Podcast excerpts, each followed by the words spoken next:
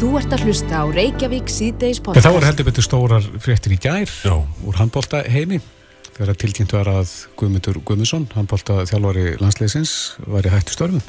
Já, þetta er uh, já, einn af okkar færsælustu landslýsjólurum, ég held að það hljóti að vera bara hári rétt. Já.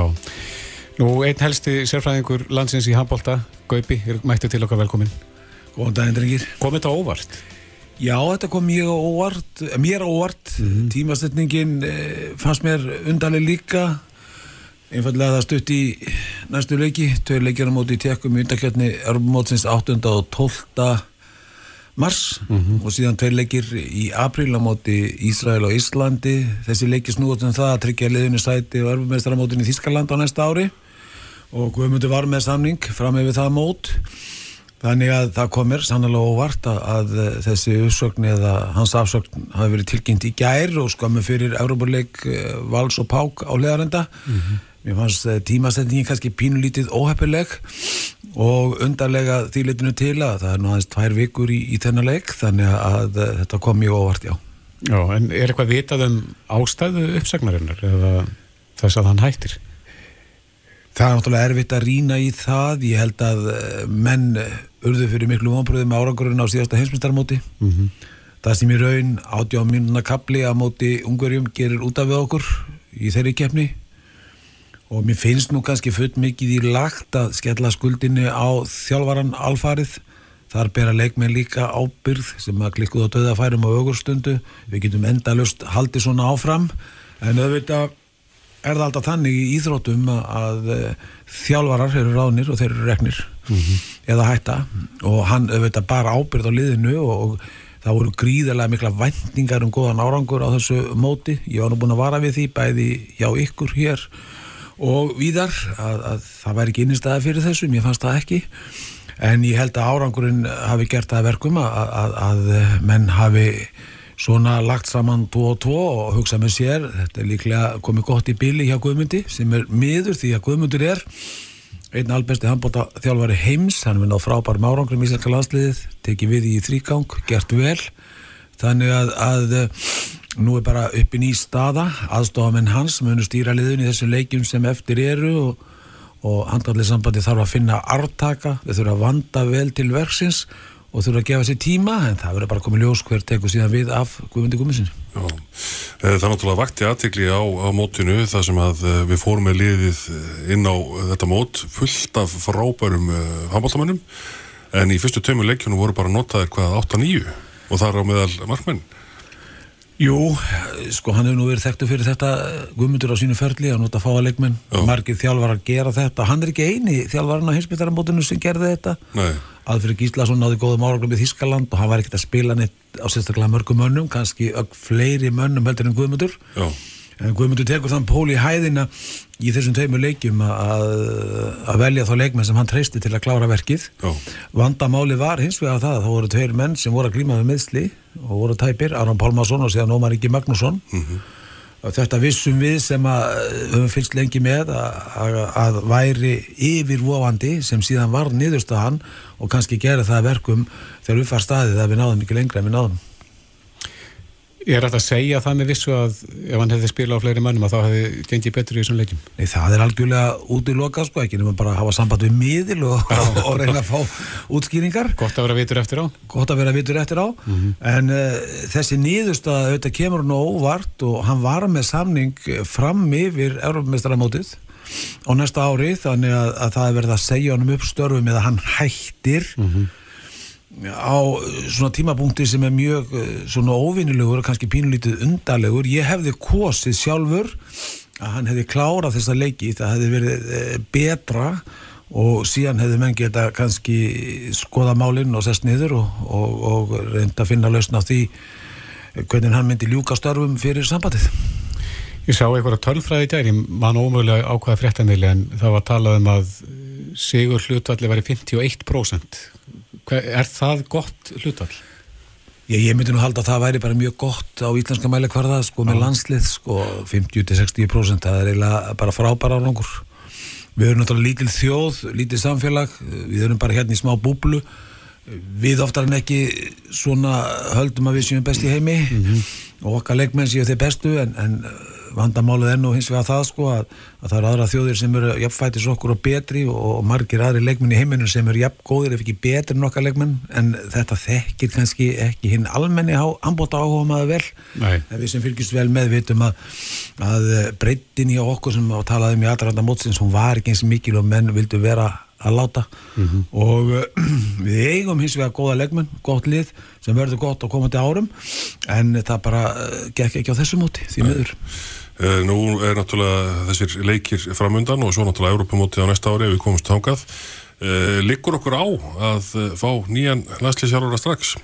Nei, ég held einmitt uh, að, að þetta þurfum menn að, að hugsa vel og, og vanda til verka og þetta er góð spurning ég hef reyndar verið á þeirri skoðun uh, lengi lengi að, að landslýsjálfur Íslands í handbólta á að vera maður í fullu starfi ekki hlutastarfi eins og Guðmundur var. Hann var að þjálfa núna síðast og, í Danmarku og er að þjálfa ég held að það verði að ráða mann í fullstarf, mann sem getur fylst með hérna heima, þeim leikmennu sem er að koma, hann getur stuttið bakið á unlingaliðunum til að mynda 19 ára 21 árs og yngri, sem skiptir verulegu máli því að ég held að frá tímanu 2024 til 2028 þá erum við að fá inn gríðarlega öfluga leikmenn sem getur komist á heismæli hvarða og þá held ég að liðið muni rökkva í gang og þarlegandi er mjög mikilvægt að maðurinn sem tekur við þessu að hann sé í fullu starfi, hann ger ekkit annað en að vera landslýsáður í Íslands þeir hljóta að hafa hefna á því, Já. þannig hefur það ekki verið og ekki veit ég hvað handlið samband allar að gera en, en uh,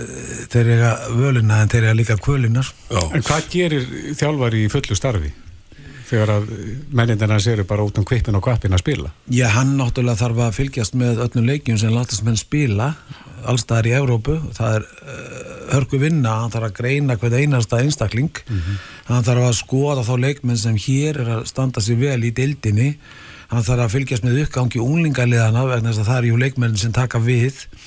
Það er þannig í nágrannlöndunum víða, til dæmis í Danmörku, Svíþjóð, Fraklandi að þar eru landslýsjálfararnir með puttan í þessum liðum og fylgjast grannt með gangi mála. og uh, oftar en ekki mæta er á stórumót sem að þessi lið er að spila og fylgjast með, kannski sjá ekki alla leikina en vita svona nokkur veginn hvað er að gerast. En uh, það hefur því miður ekki verið raunin hjá okkur. Og svo held ég líka að sé mikilvægt að, að spóla svolítið tilbaka og, og, og reyna að koma á svo kvöldluðum sumaræfingum hjá þær leikmenni sem eru hérna heima. Og er að koma og finna þeim verkefni uh, það vil segja verkefni fyrir bjölanslið já. Þetta er kallað þá kannski frekar á íslenskan þjálfara eða er kannski möguleik hjá að er þið farin saman leið eins og í fótboltanum með Lars Lagerbäck að fá einhvern elendan? Já, sko, það er möguleiki, við vorum með Bótan Kóvalds sem var búsettur á Íslandi Já. og hann var í fullu starfi Já, og uh, sko útlendingur uh, getur verið í fullu starfi sem landslýsjálfur, hann kannski þarf ekki að vera hérna sko upp á hvern einasta dag og standa punkt og prigg þar sko, hann getur uh, flóið til Íslands, hann þarf ekki að vera hérna með viku tíu dag í einu, kannski hálfa mánuð. Og getur síðan tekið sér frí og, og, farið um Evrópu og fylgst með öðrum leikmönnum þannig að það eru margir möguleikar í stöðinni já, En leitin að aðstaka guðmyndar er hafinn og ég... hverjir er nú svona uh, helst inn á ratar? Það er nú kannski ekki mitt hlutverk að velja landslýsjálfara en sko auðvitað eru nokkur sem koma til greina. Það- við eigum fullt af góðum þjálfurum og, og ég ætla nú ekki að vera að gera svo djarfur að fara að nefna uh, ykkur uppáhalsnöfn en þetta eru kannski þrýr, fjóri, fimm menn sem að eru kannski efstir á blaði og, og Hverjir eru það? Dagur? já, ég myndi nú halda dagur og, Snorri Steinn? Já, líklega er hann þarna á blaði. Patrikur Jóhannesson, ég nefni hann til sögunar mm Ellingur Rittersson þjálfar IPVAF, þjálfar hollandska landsleisins um tíma, góður þjálfari þjálfar Ellendis, frábært eintak Ellingur, ef ég nefni bara þessa fjóra, þá held ég að þessir menn komi allir vel til greina sem landsleisjálfarar Íslands í, í handalleg en, en, en, en þetta verður handalleg sambandi bara að velja það þeir náttúrulega fara yfir þetta tala við þessa menn væntalega alla, ég gerir ráð fyrir því En svo veitum við ekki hvort að þessi menn hafi almennt áhuga á því að taka á landsliðinu, sko. Það er alltaf annur uh, ella, sko. Er þetta allt annað kafli. valdaklart starf? Það held ég. Þú ert náttúrulega leið út komin þetta starf, þá ertu búin að opna þig fyrir þjóðinu og, og með þjóðinu á bækinu. Já. Þú ert með 300.000 landisjálfara ofan í koki alla daga þannig að, að það er að higgja Já, nú er það þeir hvað, Gunnar og Ágúst sem að sjá um næstu leiki eh, hvernig heldur þeim farnist? Þetta eru reyslu miklu strákar eða lindök báði tveir, Já. mjög snjallir mm -hmm. Þetta er ekkit einfalt fyrir þá að taka við þessu í þessum fjónum leikjum, Nei. þetta verður erfitt og ég legg nú til að þeir fáu bara frið til þess og stuðning mm og það er ástæðilust að vera að rópa þá nýður eða útrópa þá að þeir taka þetta að sér uh, hafa, verindi, ver, hafa verið aðstofamenn hjá Guðmundi sko. Mm þannig að ég held að við verðum bara stíðað við baki á þeim og ég treysti þeim fullkonlega til að klára þessa leiki. Já, Guðan Guðmusson, Gaupi, kæra þætti fyrir spjalli Sumulegistrengi Þú ert að hlusta á Reykjavík C-Days podcast En við ætlum að venda okkar hvaðið kross Uh, á línun er bóji Níls eh, Bógarsson, fórstjóri Æslandi er, kom til sæl. Já, sælið. Uh, það er þessi undanþáu beini sem að hefur verið sendt uh, og það er talað um að illa fari fyrir okkur ef að hún verður ekki samþygt en, en hún snýrað kólefnis skattiðhætti sem að Európa-sambandi ætlar að leggja á, á aðaldalöndin. Jó, eða auknum göndum sem tengjast hérna flugi og eins og fleira hérna e, það er sett hálfut markmið 55% lækun kólefnisfótspórsins fyrir 2030 og svo vera hlutlust 2050 og, og flugi hefur sett sér metna full markmið í þess aflíka og í Æslandir mm -hmm. og, og flugið eins og við þekkjum er svona 3% af kólefnisfótspóri heimsins Já. Og greinin og við erum tekið þetta geta mjög alvarlega. Það sem er að gera því þessu í svona stutt og einföldum áli að þessar nýja reglur sem að er að auka kostnáflug eru að uh, auka kostnáfluglega miklu meira á flugfélög sem að eru að fljúa hérna í gegnum Ísland og tengja gegnum Ísland á miklu heimsála mm -hmm. heldur en annir flugfélög og annir hérna, flugfélög sem er að tengja annars það ekki ekki eða, eða fljúa beint yfir hafið.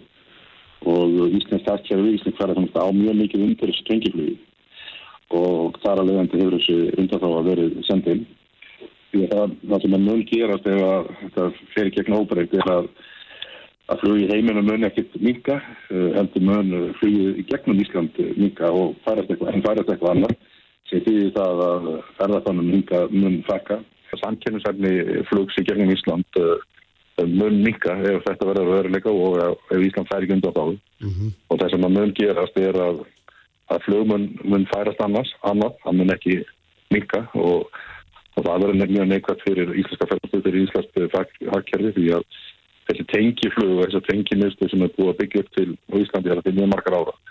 Og hún er, er mikið grundvöldur af, af íslenska ferðarstöldur og er mikið stópar í íslenska hagkerfin og uh, það sem er það er vond í þessu óhættilegt er að eins og við sögum á hana hérna, að flugið mun ekki minka í heinum en það mun það er að annað og það sem er kannski ennverða ef þetta verður að veruleika enn og algjörlega óbreytt sem að hérna, við fyrir að bjassin og teljum að það verði ekki er að það er hakkamar fyrir umhverfið að í mörgum tilvökum að fljúa henni tekum Ísland heldur en að fljúa beint á, á stórum breytóttum yfir hafi þannig að ef þetta verður að veruleika óbreytt þá verður það neikvægt fyrir umhverfið en ekki ekki jákvægt eins og held ég að tilgáðum síðan. Mm. Eru fordæmi fyrir því að undan þá er síðu veittar í svona tilfellum? Já, já, við hefum alltaf ekki það að, að það er bara almennt í, í reglum Európa-sambansins hvað var að sjá ára út af landbúna og þá var ímsa hundar það var í gangi og, og svo var hann til flögu að þá eru malt mert, malt á kýpur með ákveðna hundar þá. Þannig að það er alveg forðan fyrir því, já. Já, er það vegna sérstöðu landsins að því að þetta er eiga, við erum norður í Allandshafi og, og þurfum að reyða okkur meira á flugsamgöngur heldur en kannski aðra þjóður? Já, algjörlega, það er vegna sérstöðu landsins og það sem að það sem veldur því að, að Ísland verður ekki einn samkynnsækt eða þetta verður veruleika að tengiflugið hlutværslega er meira innan Európa-sambandsins eða Európska efnaðisvæði sem sagt því að við erum að fljúa þegar við fljúum yfir hafið og erum að tengja bandaríkin við Európa öfugt að þá er stór hluti af fluglegnum innan Európska efnaðisvæði á meðan til dæmis núna er Breitland farið út úr Európa-sambandin og fara, fara leðandir ekki tengiflugið það er ekki egna ekkert í gegnum európska efnæðsvæði og hérna og þar leðandi verður kostnar en ekkert mikill og flugir með þá hugsa að færa þetta eitthvað tangað frá Íslandi þetta verður verðilega og, og í hérna að vera tengið miðstöðar og síðan bara til bandarískara flugfélaga sem er að fljúa svo beintið er hafið. Þannig að hérna eins og ég sagði á, þannig að e, ef við horfum bara á þessa breytingu eina og sér og ekkit annað, að þá með þetta valda því að flugið fannst bara annað og hérna og í mörgum tilvíkum verður óhægt að maður fyrir hérna skjörðin og Mhm. umhverfið. En í hvaða ferli er, er máli núna? Hafa íslenski ráðamenn sendt inn þessa beðinni um undanþáur? Já, það var í fréttum um dag í enna, hérna, Katrin Jakobsdóttir sendi bref og hérna lísti stöðunni, þannig að ég, ég, ég ekki sé brefið, en, en ég veit að stjórnvöld hafa verið að vinna e, í þessu máli á hullu. Og hvað hafa með langan tíma?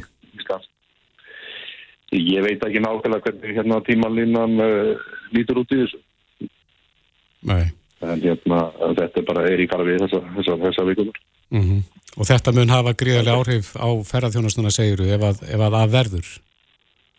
Já, þetta hefur mjög neikvæð áhrif á samkjörnsætni í Íslands en tengimiðstöðar og tengimiðstöðin býr til mjög mikið af þessari tíðni til og frá Íslandi og mikið afhangastöðum tengiflugið á eins og segi býr til mikið afhangastöðum sem eru hérna til og frá Íslandi þannig að ferðamönnum myndi fækka talsverði ef að tengimiðstöðin verði ósamkjörnsæfari.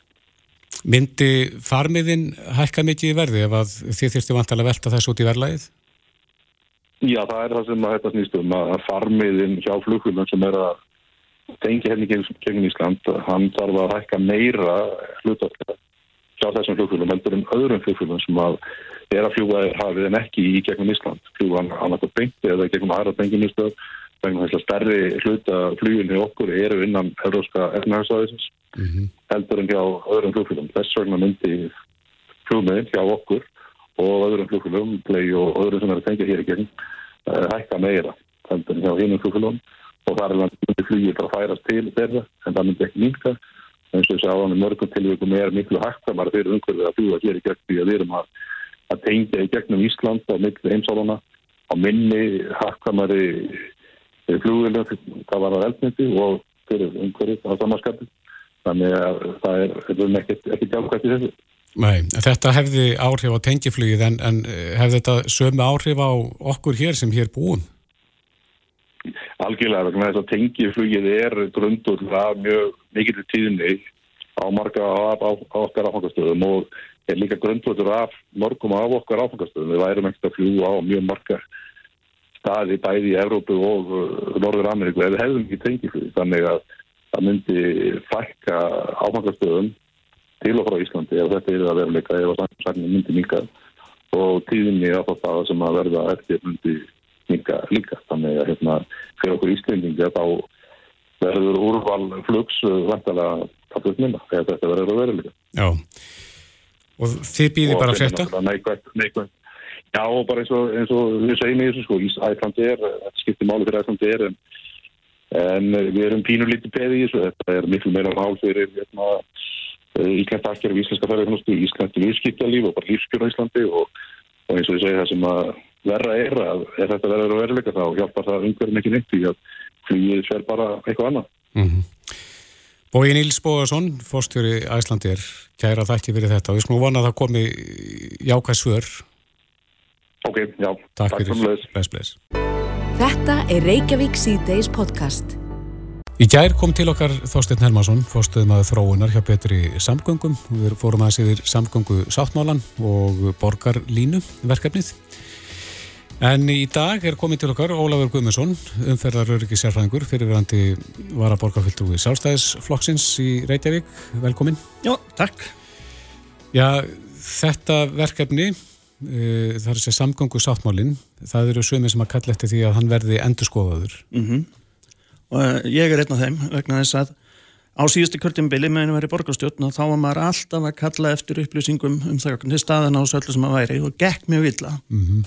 Kostnaraállinin sem er núna viðkjöna manna fyrst áfangi búin að, búin að hekka og allt í hennu dúkar upp eh, hérna, sæbrutastokkur sem að var aldrei á upphæflaga planinu áttast að misla gatnamótuna á sæbrutuna. Mm -hmm. Þannig að þetta er alltaf að breytast en svo þegar maður fyrir að skoða þetta e, þá er talað um að það sé einhverjum verkefnum lokið og nefnd einhver fjögur. E, það er allt verkefni sem voru komin í ganga áður en betur samgöngur og sáttmálum voru gerð. Við vorum bara á samgöngu áallin. En eru hluti af þessu stóra verkefnið ekki? Þeir voru það aldrei, það var sett inn á viðauka mm -hmm. uh, sem er kallað framkvæmta áallun að þá voru þessum verkum bætt við en það er ekki orðum þessi verkefni í samgöngusáttmálunum sjálfum og öll þau verkefni sem er talað um í sáttmálunum og meðalannars ljósastýringarnar sem átt að gera strax og það var bara búið ákvöð og er í sáttmálunum það skal uppfæra ljósastýringarnar mm. í Reykjavík. Ég reyndi allt síðasta kjörtjum að fá það í gang. Það var alltaf embættismanna kerfið á mótið því og þeir sem sáum þessi mál hér Reykjavík og borg mm -hmm. alveg saman hvað maður stakk upp á uh, því var bara hafnað uh, Það kom fram fyrir ekki, það kom fram í málið þóstensir í gæra að, að við værum með að bestu græjur í ljósastýringar sem við öllum á ef ef ég skildan rétt. Já, já, menn er reyna að halda því fram núna þetta var sagt í borgastjótt líka í gæra e, það er bara ekki rétt. Þetta er eldgamalt klukkukerfi. Það er nánast engin borg í Európu sem er ennþá með klukkukerfi. Það er að koni skinnjara í öllum fyrirljós ég hef búin að skoða þetta í Kaupmannahöfn Oslo, London og fleiri stöðum. Uh, maður sér þetta bara hér. Ég var að kera þetta keflaðið daginn klukkan fjögur og nótt mm -hmm. og fór miklu brötuna það var engin umferð en samt og ljósum að skipta sér eftir klukku. Ef ég var að kera sam, samskona veg í Danmörku eða, eða Norri þá fylgast tölvöðunar með umferðinni. Þannig að eh, megin ströymurni látum vera á grænu. Mm -hmm. en ég þurfti að býða á rauðu þarna. Eh, það vantar þarf, að, þarf sko, stóra breytingu til þess að klippa þessi liðin? Nei, það þarf bara að skipta um tölvubúnaðin í kassunum sem stýra þessu það þarf ekki að setja neina lagnir vegna að þetta keirir allt saman á GSM-kerfinu og internetinu. Og svo er það að setja skinjarar ofan á störana sem að horfa á umfjörðinu það er bæðið reyjuskinjarar, það er infrarættlis að sjá fólk. Mm -hmm. það er radar þannig að þetta er litli kassar sem eru settir ofan á. Og það þarf skipta um innvolsið í, í hérna, stjórnkossunum, það þarf ekkert að skipta um ljósin sjálf, hausana. Nei. Það getur allt sem hann haldið áfram. Þetta sem þú telur upp með radarinn og þetta og þessar stínjar þetta hljómar eins og þetta sé ég, ég, Það er búin gisk á að það að skipta út svona, öllum, við skiptum aldrei út öllum ljósuna við erum bara að tala um helstu ljósuna við telst til þetta sem er kringum 50 ljós sem við þyrtum að skipta út allavega í fyrsta fasa. Já, maður getur ímyndið sér að þetta myndi þá sko, verði þess að, að umferðir greiðari. Já sem að myndi þá vantilega að spara peninga vegna þess að tími í umferðin eru peningar. Já, já, en það er akkurat það sem er í gangi í Reykjavík í dag, það er að gera hana ekki greiðari. Það var sett framkvæmdastopp á öllar stoppbrytur á höfuborgarsvæðinu árið 2012 og allt framkvæmdafér sett í að niðugreiða strætó sem að klikkaði síðan, það jókst ekkit í strætó.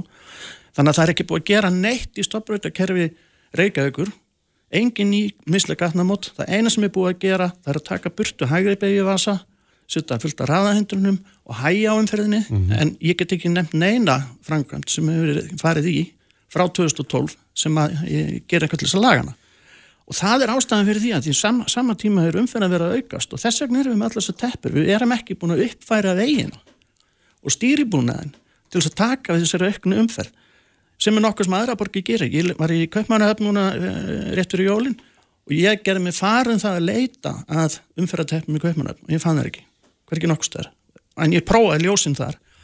Um leið, ef maður ítt á takkan og lappaði við götu þá fekk maður grænt mér fljóðlega og tölvan tók mata hvernig eru örgast að leipa mér yfir. Svo fekk ég grænt og lappaði við götuna. Þegar ég átti metir eftir hinum einn þá byrjaði ljósinn að blikka og leiði við komum upp á gangsittina þá voru við búin að skipta sér aftur. Ef ég ítt á takkan hérna nýra Mikluburut annarkot það sem að 365 voru mm -hmm. eða hérna hjá Reykjaliðinni Klambratún, ég ítt á takkan ég lappa síðan yfir göttuna, stoppa fleiri tíu bíla og það líða, ég er búin að tímamæla ég lappi yfir á einhvern 10-15 sekundum en það er áfram raukt í 20 sekundur í viðbót að þetta er bara klukka. Og þetta er út um alla borg. Og þetta er að búa til þess að teppur.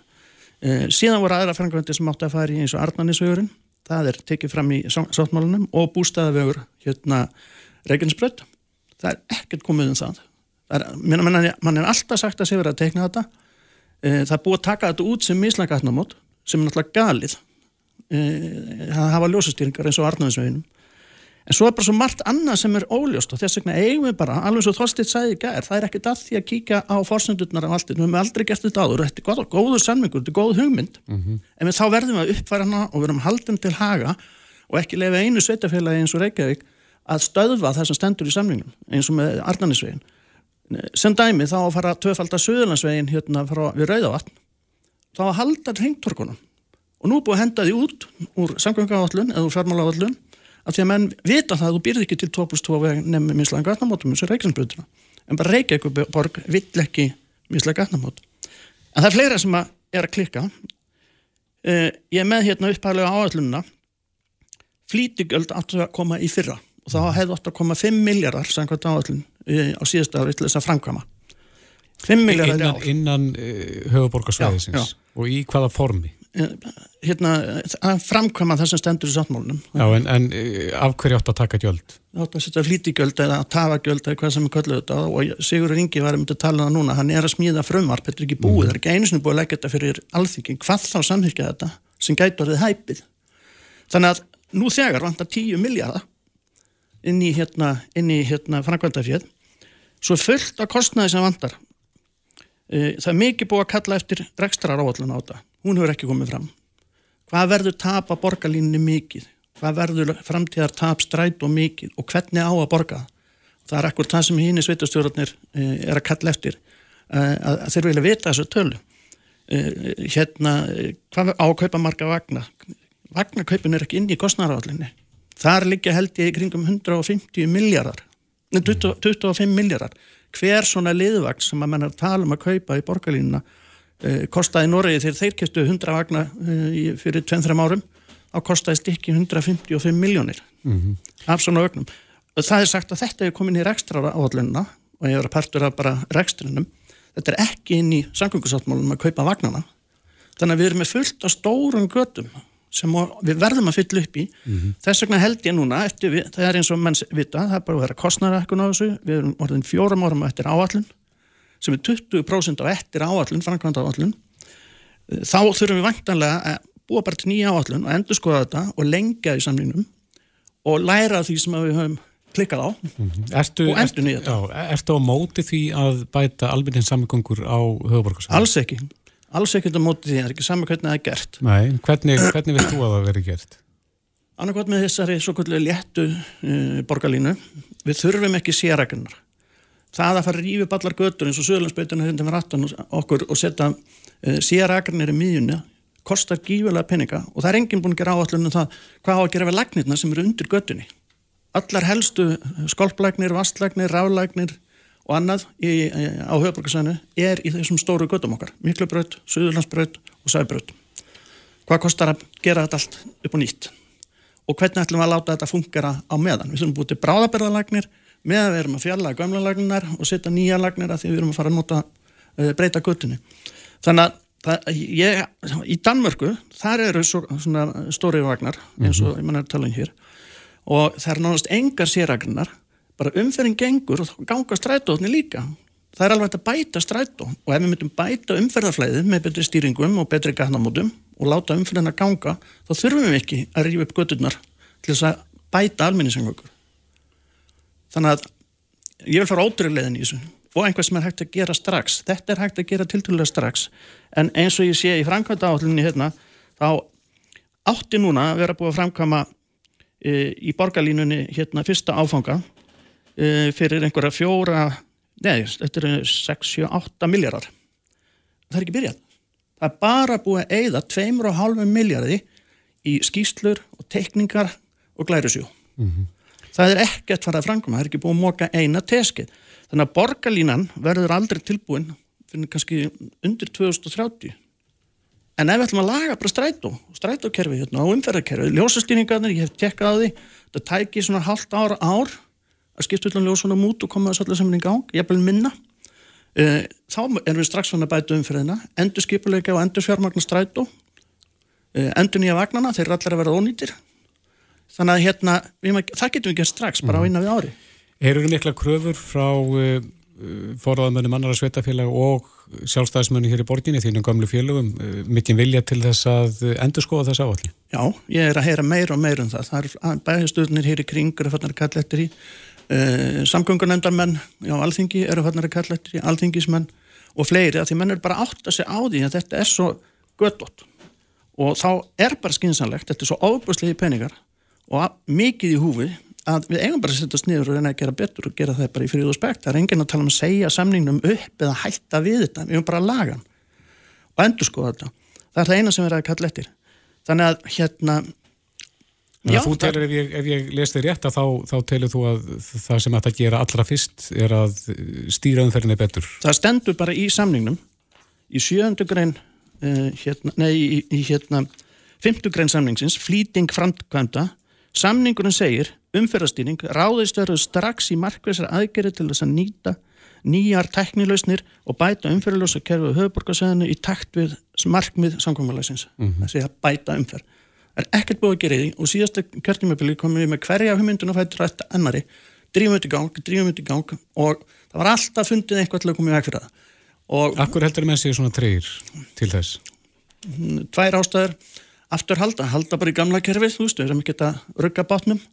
Eh, hinn ástæðan þeir vilja ekki gera það í Reykjavík vegna þess að það bætur umferðina og þá minkar uh, þrýstingurinn á borgarlínu.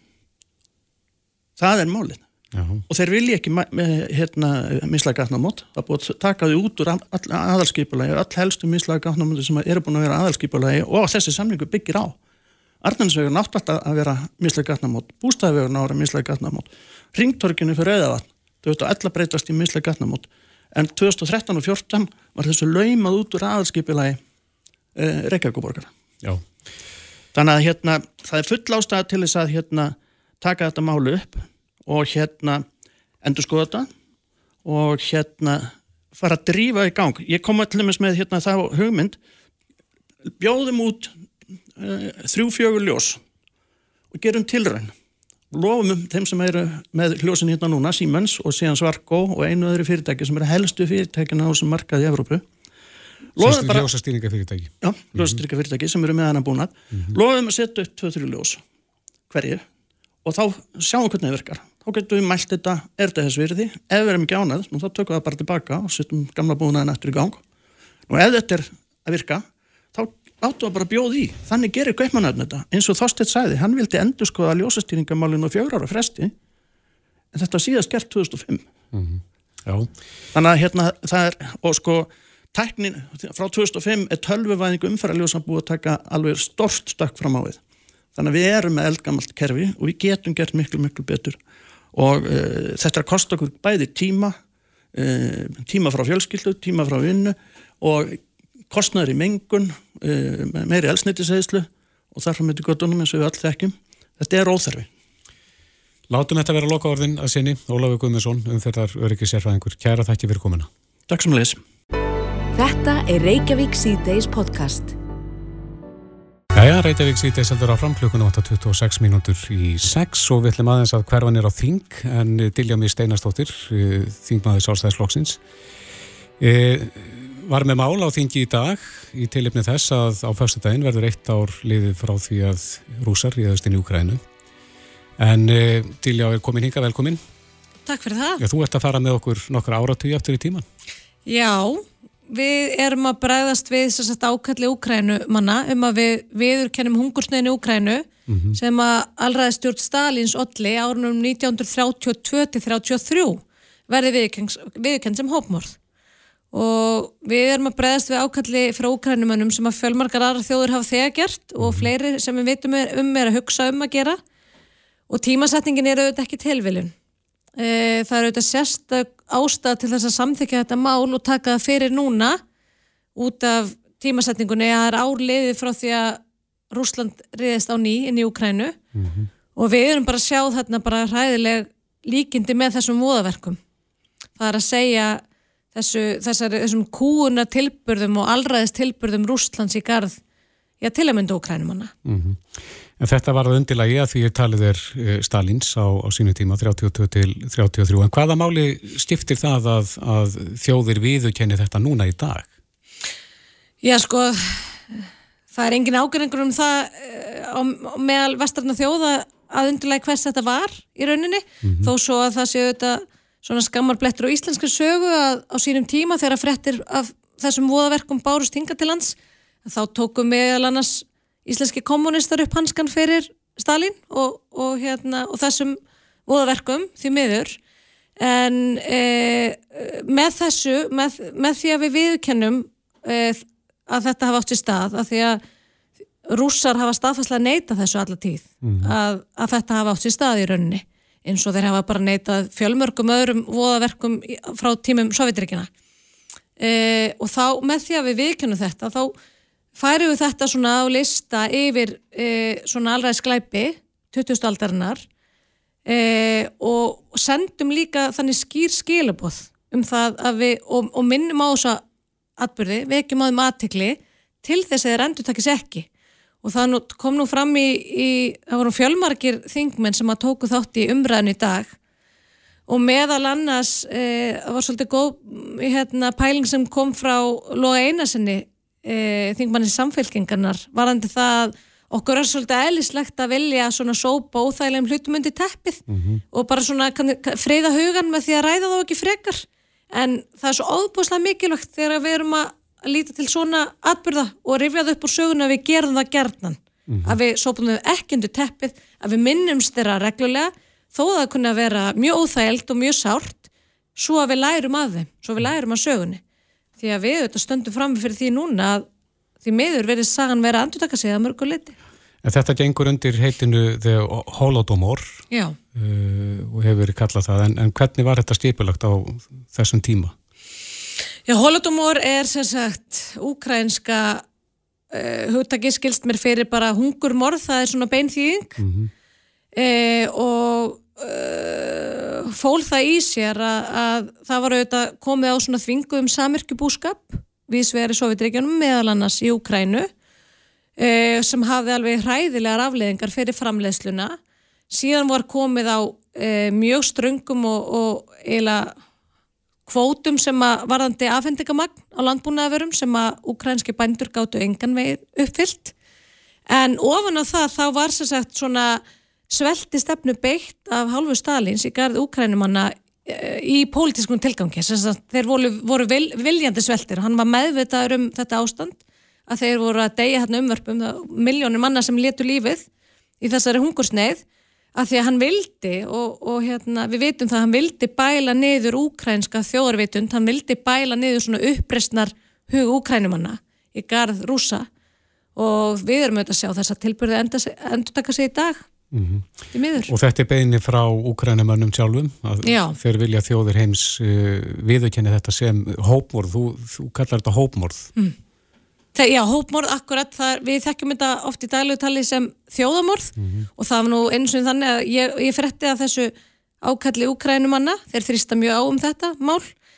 E, og það var nú ekki fyrir þá sem að ég áttaði mig á þessu, var, þessu munvarandi hópmorð og þjóðamorð, þetta er sami hluturinn en, en sem sagt í íslensku lögum þá er sérst rétt að skilgrinningin hópmorð. Mm -hmm. en uh, við tölum oft um þetta sem þjóðamorð En það er ekki á hverjum degi sem að þingmenn eru á einu máli en, en saminæðist þingið um þetta máli í dag?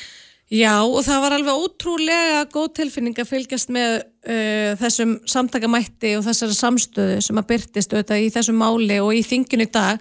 Og það var nú einn e, þingmaður, var að þingmaður samfélgengarinnar Magnús Skjöld sem kom svo orði á þinginu í dag að, að honum þætti sem svo að það væri svona stundum sem að virðing alþingis rísi hvað hæst. Mm -hmm. og ég gæti bara tekið heilsuga undir þau orð það var bara mjög svona jákvæður andi og, og, hérna, og við rættum þarna okkar á milli um það hvað væri mikilvægt að standa með mannrættindi, líðræði og, og umbörlindi mm -hmm.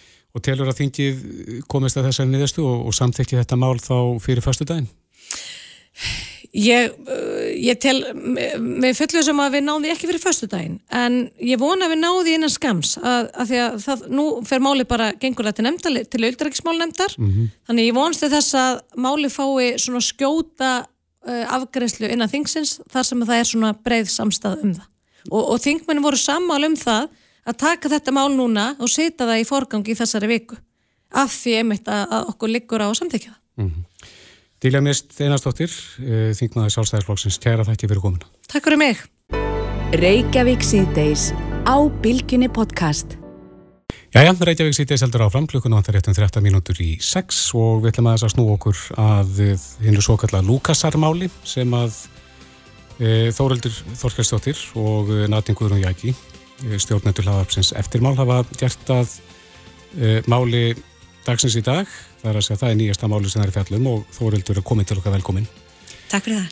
Hvað er langt síðan að Lukasamáli komið upp? það verða 16 ár í sumar síðan Lukasamálið kom upp. Já, og það er nú minnst á þetta annars lægi, svona þegar að stór mál koma upp í, í hérna, fjölmjölum, svona til varnaðar. Já, þetta mál, það er alveg að segja að þetta sé svona eitt stór lærdomur fyrir bara íslensku þjóðina mm -hmm. og það er mjög oft vísað í málið í umröðinni. Já. Við skulum hafa okkur hæg, pass, passum okkur þetta sé nú ekki annað Lukasarmál, mm -hmm. hugtækið domstól götunar er mjög oft útskýrt með því að vísa í Lukasamálið þannig að þetta tegir ánga sína við það Einmitt. Farðaðins yfir með okkur hvernig þetta ægslaðist þetta Lukasamál Já, svona fyrir þá sem ekki vita og, og, og muna ekki eftir málinu þá kemur upp sumari 2007 að það er kýmversku smáhundur sem mm -hmm. heitir Lukas sem að týnist. Þetta er um kvítasunnahelgina og eigandi Lukasar er ung kona og hún fær sérst fregnir af því að hundurinn hafi fundist mm -hmm. og það hafi sérst hópur af ungum strákum á bíladögum leiki sér af því að setja hundin í íþróttutösku mm -hmm. og kasta hann á milli sín eins og fókbólta þanga til hann drafst og þetta þessi saga er sko þetta er vittnesbyrður fyrir lögreglu. Mm -hmm. og bara þetta fer mjög víða, það er sjómasfrett um málið, þetta er sagt frá sér í, í öllum fjölmjölinn landsins og það logar bara allt í samfélaginu eðlilega, það verður að lýsa þarna alveg hræðulegu dýran í þið og bara fólk bara algjörlega meðu sín. Svo kemur á daginn nokkrum veikum síðar að hundurinn er á lífi. Hann finnst í rauninni bara fyrir algjörlega tilviljun ofan við akkureri, við ruslahaugana þar heitla húfi, heitla húfi. Mm -hmm.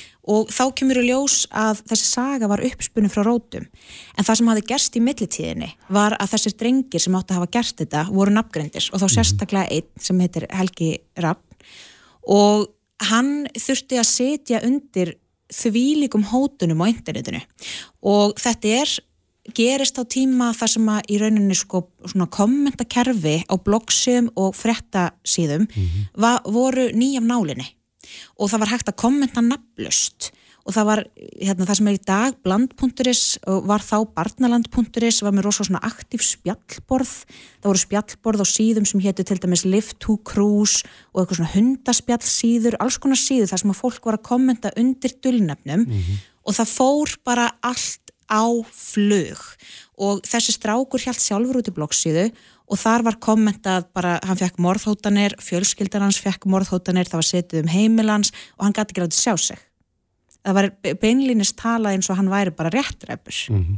og þetta er það sem gerist þarna í millitíðinu, svo mm -hmm. finnst náttúrulega hundurinn og þá tekur málið þetta bara harkalega uppeyju. Mm -hmm. Þið talið í þessum þætti við lögmann mannsins, er það ekki? Já, við gerum það. Hann hefur ekki viljað koma sjálfur fram og, og ræða þessi mál? Nei, hann baðst undan viðtali mm -hmm. uh, en bara settist ekkit upp á móti umfylluninni en uh, það er svona hljómaði svo hann væri mögulega í einhverju öðru verkefni tengd þessu máli þannig að við skulum aðeins býð og sjá. Kannski mm heyru eitthvað meira af Lukasarmálinu í, í, í, í nánustu framtíð. Já, En urði ykkur eftirmál?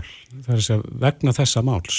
Já, það urði eftirmál vegna þessa máls og við erum svolítið að fara yfir það einmitt í þættinum. Mm -hmm. auðvitað eru eftirmálinn bara þetta, þessi samfélagslega umræða og þetta var einn reysastóru lærdomur í bara hvernig við sem samfélag högum okkur á internetinu og hvað við skrifum og hvernig við byrjum ábyrð á því og allt það.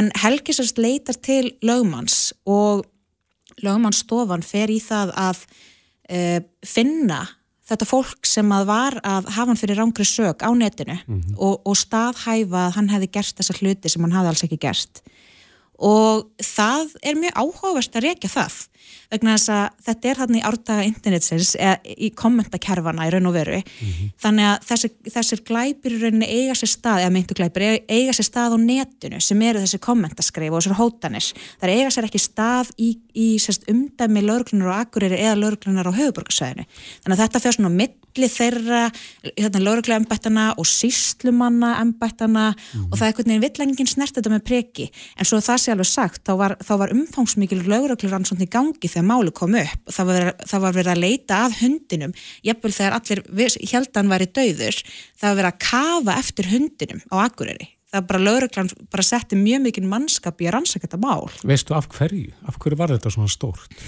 Sko þetta var bara eitt af þessum málum sem var gjörsamlega helt teku samfélagið. Mm. Það var ekki rætt um neitt annað og ég held að það hafi bara verið þannig pressa á lauruglunni að þurftu bara að leysa þetta. Já, akkurat.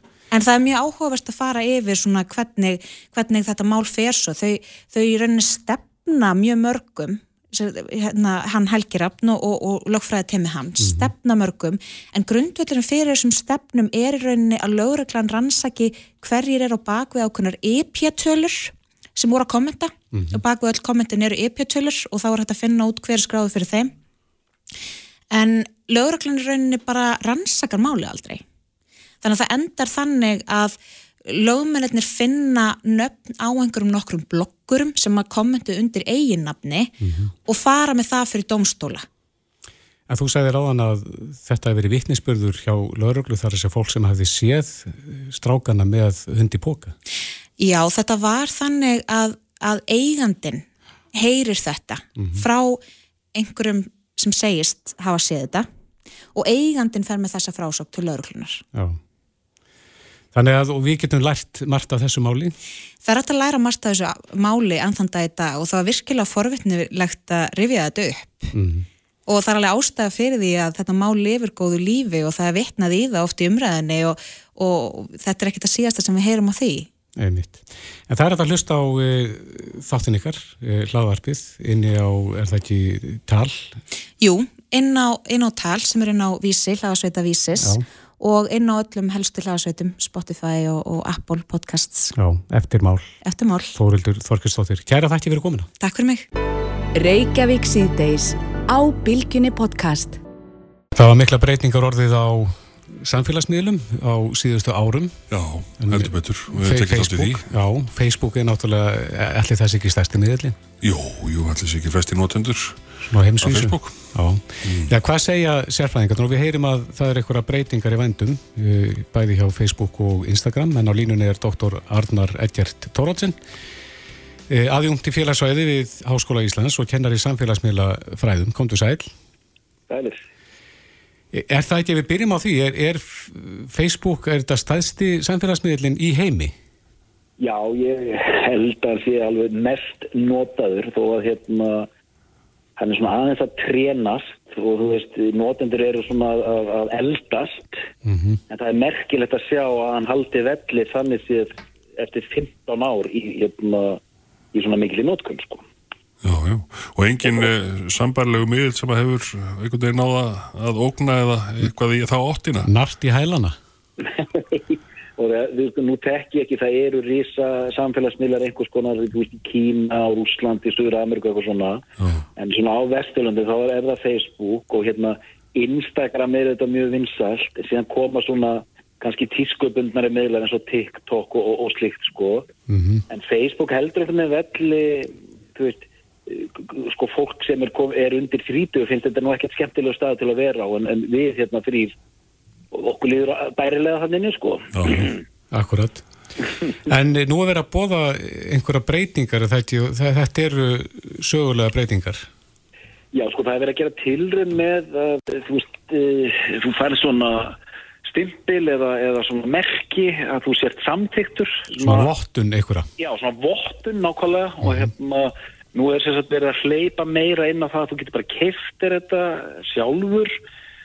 Samt er vísað í að þú sérst einhvers konar skapari eða kreator og þeir eiga að geta keft þetta og þá er þeim lofað meira öryggi og svo framvís. Þannig að þetta er svona eh, eins og YouTube með YouTube Premium eða eitthvað soliði sko, áskriftir sko. Já, já, og er þessu beint að eh, öllum almenningi eða eru kannski frekkar einhverju sem er að nota miðurinn á einhvern sérstakkan hátt? Já, mér sýnist það að vera málið, sko, einhverju svona hérna menn sem er að kera einhver uh, fyrirtæki er, er með einhverju umsvið og þetta sé eða þeir eru með einhverju hópa eða með einhver, einhvers konar starfsemi, það verður höfða til einhvers konar fyrirtæki eiganda, sko. Já, er þetta svona í líkingu við það sem við þettjum hjá Twitter? þetta er einhvern veginn þannig, þannig, þannig tilhörn en hérna gaggrínsrætti segja mitt sko að þetta er svona útilokandi aðgerð fattiði að hérna fólk er á Facebook, það er allir á Facebook, það kostar ekkert og þú gerir þitt inn á Facebook. Núna er einhvern veginn verið að hérna, skipta þessum hóp upp. Þú getur verið aðeins merkilegri og átt, kosta aðeins hérna, rýmið að minni að þú borgar aðeins fyrir það. Sko. Það er það sem er að hitta fólk dálítið ítla. Sko. En eru menn að fríja sig frá einhverjum uh, auglýsingum þá í leiðinni? Ég sá það ekki hvort þú getur keftið út úr því endilega sko. Æ, Hérna, en þú veist, þetta er hérna, einhvers konar allir á Facebook og núna, það eru allir á Facebook og líka hinnir sem eru hérna, aðeins jafnar en hinnir, fattar þú? já. Uh, er þetta í, uh, bara í smíðverð, er það hugmyndavinna eða er uh, stefnt á að koma þessu á? Já, þess, þetta er kynnt sem tilraun sko, Já. svona, svona beta-testing, þannig að hérna, þeir geta þá bakkað út ef þetta springur í þeim sko. Já, Instagram sem að er í eigu Zuckerberg er líka það ekki hann hefur verið með svona vottun svona verified user vottun með svona bláa, bláa búblu er það ekki Jú, jú, jú. þannig að þeir eru bara heimfara þetta þá yfir á fjöspókina líka.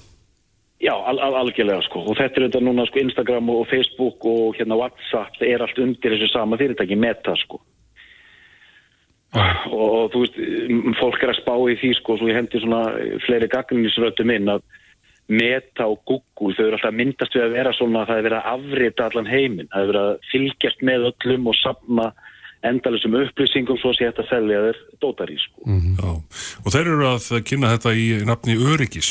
Uh, þarf, þarf uh, fólk uh, og, og fyrirtæki á, á Facebook á öryggi að halda?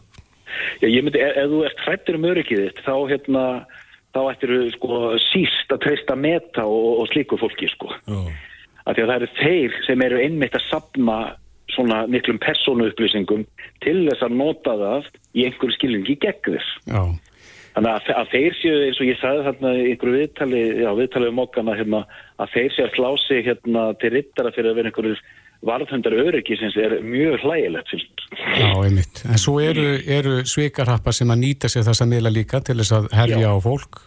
Mm þeir eru kannski að, að stílina þann markað að reyna að verja fólk gegn slíkum svikurum. Jú, það, það er einu hugmyndir með þessu og þá komu strax upp svona mótrök að hérna mun, mun svikarhafanir þá slí, hérna, slípa sverðin til enn frekar og reyna að brjótast inn á þessa fínu reikninga sko. Þannig að þú veist þetta gæti líka algjörlega snúist við í höndunum á þeim sko. Já. En hver er þróunin í samfélagsmiðlunum í dag? E, Þú segir að fjersbólkin hefur verið og er og hefur verið stærsti miðlinn, en, en er, er eitthvað svona sem að e, hver- hvert stefnu við? Mjög góð spurning sko, hérna þetta verðist bara færast til á milli kynnslóða einhvern meginn, ég, hérna, það hleyða mér í tímum þegar ég segist vera mest á Facebook sko, þetta er kallað elli heimilið sko, Já, þessum gamla fólki er. já, sem gamla fólkið er. Á meðan hérna Instagram eh, virðist vera dálítið steddi sko, en, en hvernig þessi þróun er, mér finnst, ég er 48 ára gammal, mér finnst alltaf vera meiri hraði, meiri áherslu á myndir og myndbönd um, og síðan sko, maður hefði sagt sko, síðan einhvern veginn koma þessi samfélagsmiðlar og fara. En það er mjög áhugavert að sjá hvernig Facebook heldur velli og þeir hafði þetta breytt ímsu sko kynnt þess að hópa meira til sögunar og pages og allt þetta sko, þeir hafa alveg stokkað upp til að halda sér einhvers konar hérna, halda sér ferskum sko. Já, en en, hafa, en það er erfitt að spá, spá fyrir um þetta sko. Já, en þeir hafa líka sett stefnuna inn í síndarveruleika heima. Er, er, er það að falla sjálft sig eða er þeim að takast það? Nei, ég meina, mér, mér myndi þykja það að vera bara frekar eðlileg þróun ef við séum að fara meira inn í einhvern síndarheim AI sem allir er að hafa áhugir af núna og þú veist, gerfi greindin og allt þetta sko. Ég held að það sé, ég meina, og þetta er að gerast bara núna að, að þú getur fengið hérna gerfi greind til að hérna skrifa fyrir einhverja rítgerðir og, og fengið ágætis einhvern fyrir sko. Þannig að þetta er dálítið aðteklisverð þróun og, og, og varhugaverð og jafnvel bara dálítið skuggaleg. Mm Stefnir þú að láta votta þig inn á Facebook? Hérna, það eru það eru svo hræðilega fyllirismyndir hérna til í gamla daga, hérna, ég getur það ekki. Nei. Nei, ég veit það ekki, ég, ég, það- ég, ég ætla að hugsa með gang. Já, akkurat, en það er kannski eins og fyrir bylgjuna að, geta verið vottu þannig inni, þannig að það sé ekki verið að senda eitthvað svikapósti í nafni bylgjunar. Jú, ég meina, ég held að það, það, þetta hljómar einmitt mjög eðlilega. Þeir eru líklega að höfða bara til einhvers konar svona starfsemi. Já, akkurat. Já, þetta eru síbreytilegir heimar en, en samt einhvern veginn alltaf, alltaf eins. já, já, já, hárið. Doktor Arnar Edgert Tórótsin, aðjungt í félagsvæði við Háskóli Íslands og kennari samfélagsmiðlafræðum. Kæra þakki fyrir þetta. Takk fyrir. Hlustaðu hvena sem er á Reykjavík C-Days podcast.